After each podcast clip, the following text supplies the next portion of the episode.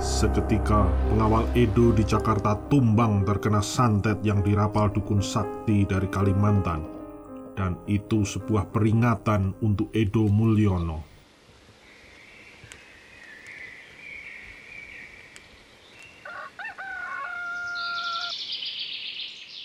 Sementara di sudut hutan Kalimantan, seorang pemuda seperti binaragawan dengan baju yang sobek di bagian lengan dan otot tricep menyembul dari bagian lengan baju.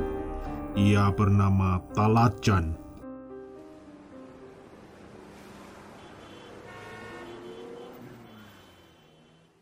Talajan baru saja selesai dengan pekerjaannya di kota sebagai penjual ramuan pembesar, penguat, dan tahan lama, juga sebagai dukun di Kalimantan. Talajan sejak kecil memang tak pernah takut mati atau terluka. Kehidupannya di panti asuhan telah mengajarkannya agar tidak lembek dan manja. Talajan pun kembali ke desanya dengan berjalan kaki.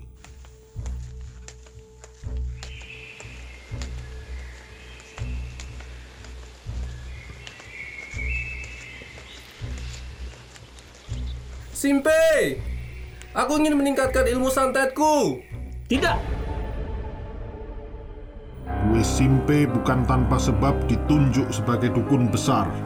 Ada satu masa di mana ia menghabisi seratus orang musuh dengan satu mantra. Semua kemaluan musuh menghilang berpindah-pindah ke jidat. Dalam sejarah santet, tidak ada yang lebih mengerikan dari mantra ini.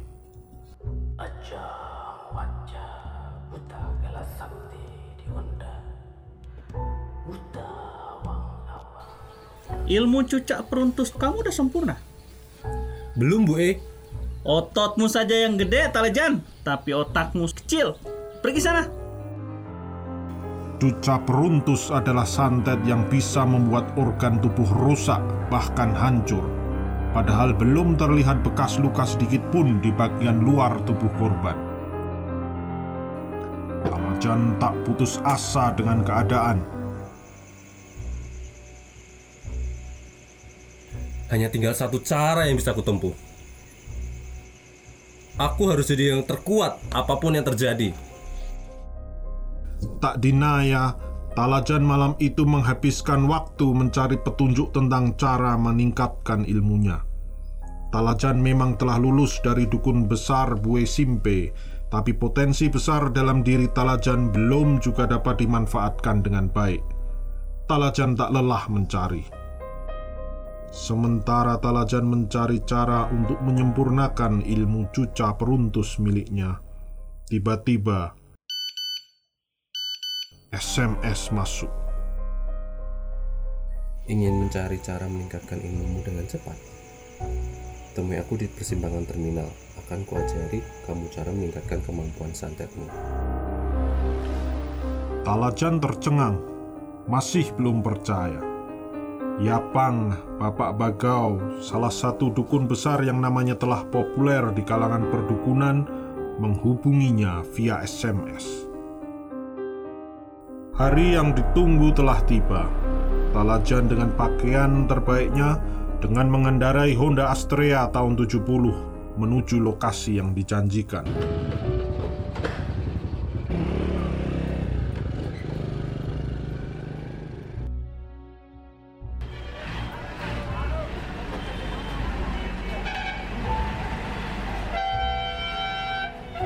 Ya, Pang.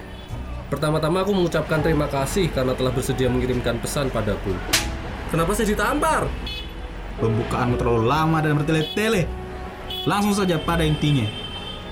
Eh, eh, baiklah, jadi begini. Kali ini pipi kiri Talajan terkena tamparan kedua dan mendadak dari Yapang Bagau. Sontak Talajan tercengang seolah tak percaya.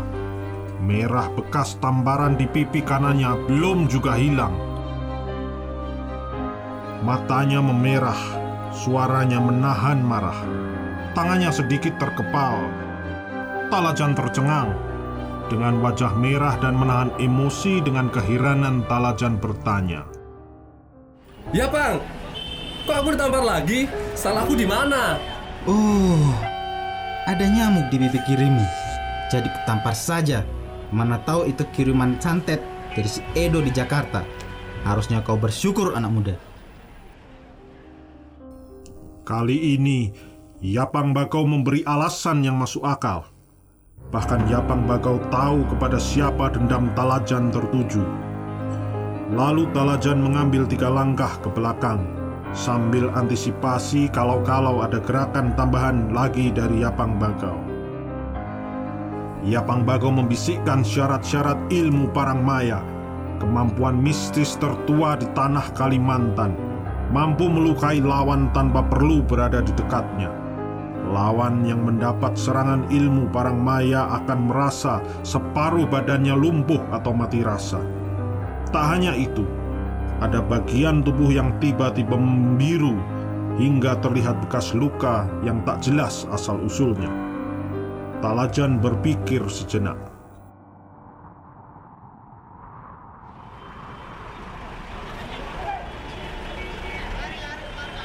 Angin bertiup di tempat mereka bertemu.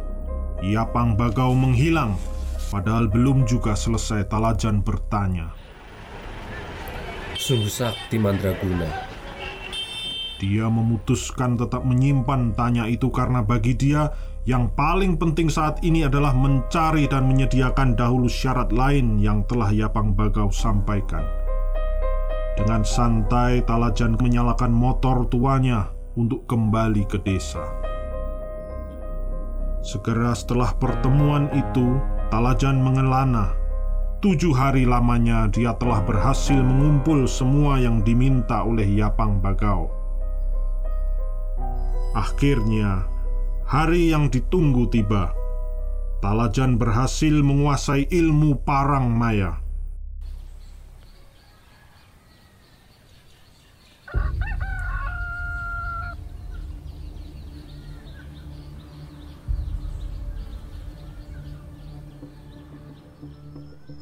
Garis merah di horizon telah terlihat.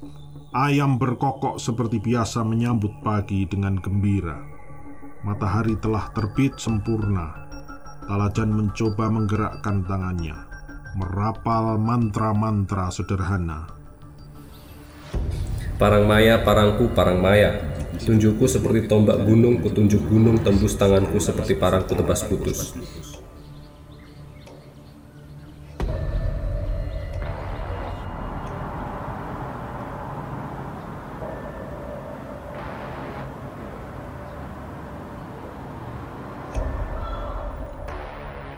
Pagi yang cerah di sudut kota Jakarta, Edo asik nongkrong bersama teman-temannya di sebuah coffee shop.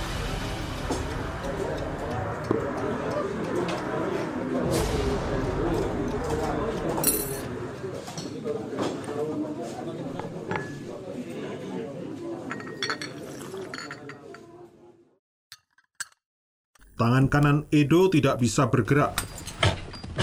Lalu disusul tangan kiri hingga semua anggota tubuhnya lumpuh. Selang beberapa menit, wajahnya berubah pucat seperti mayat dan ditemukan luka membiru di perutnya. Hanya butuh waktu 15 menit, Edo tidak bernyawa.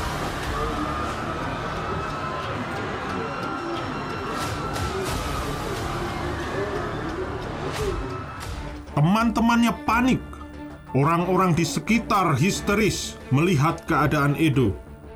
Dari kejauhan, Talajan menerawang melalui air dalam kendi. Hmm, rasakan tuh Edo.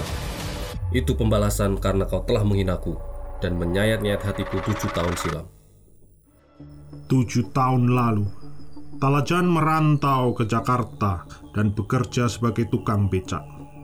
Satu waktu, Talajan mendapat penumpang dan penumpang itu adalah Edo Mulyono.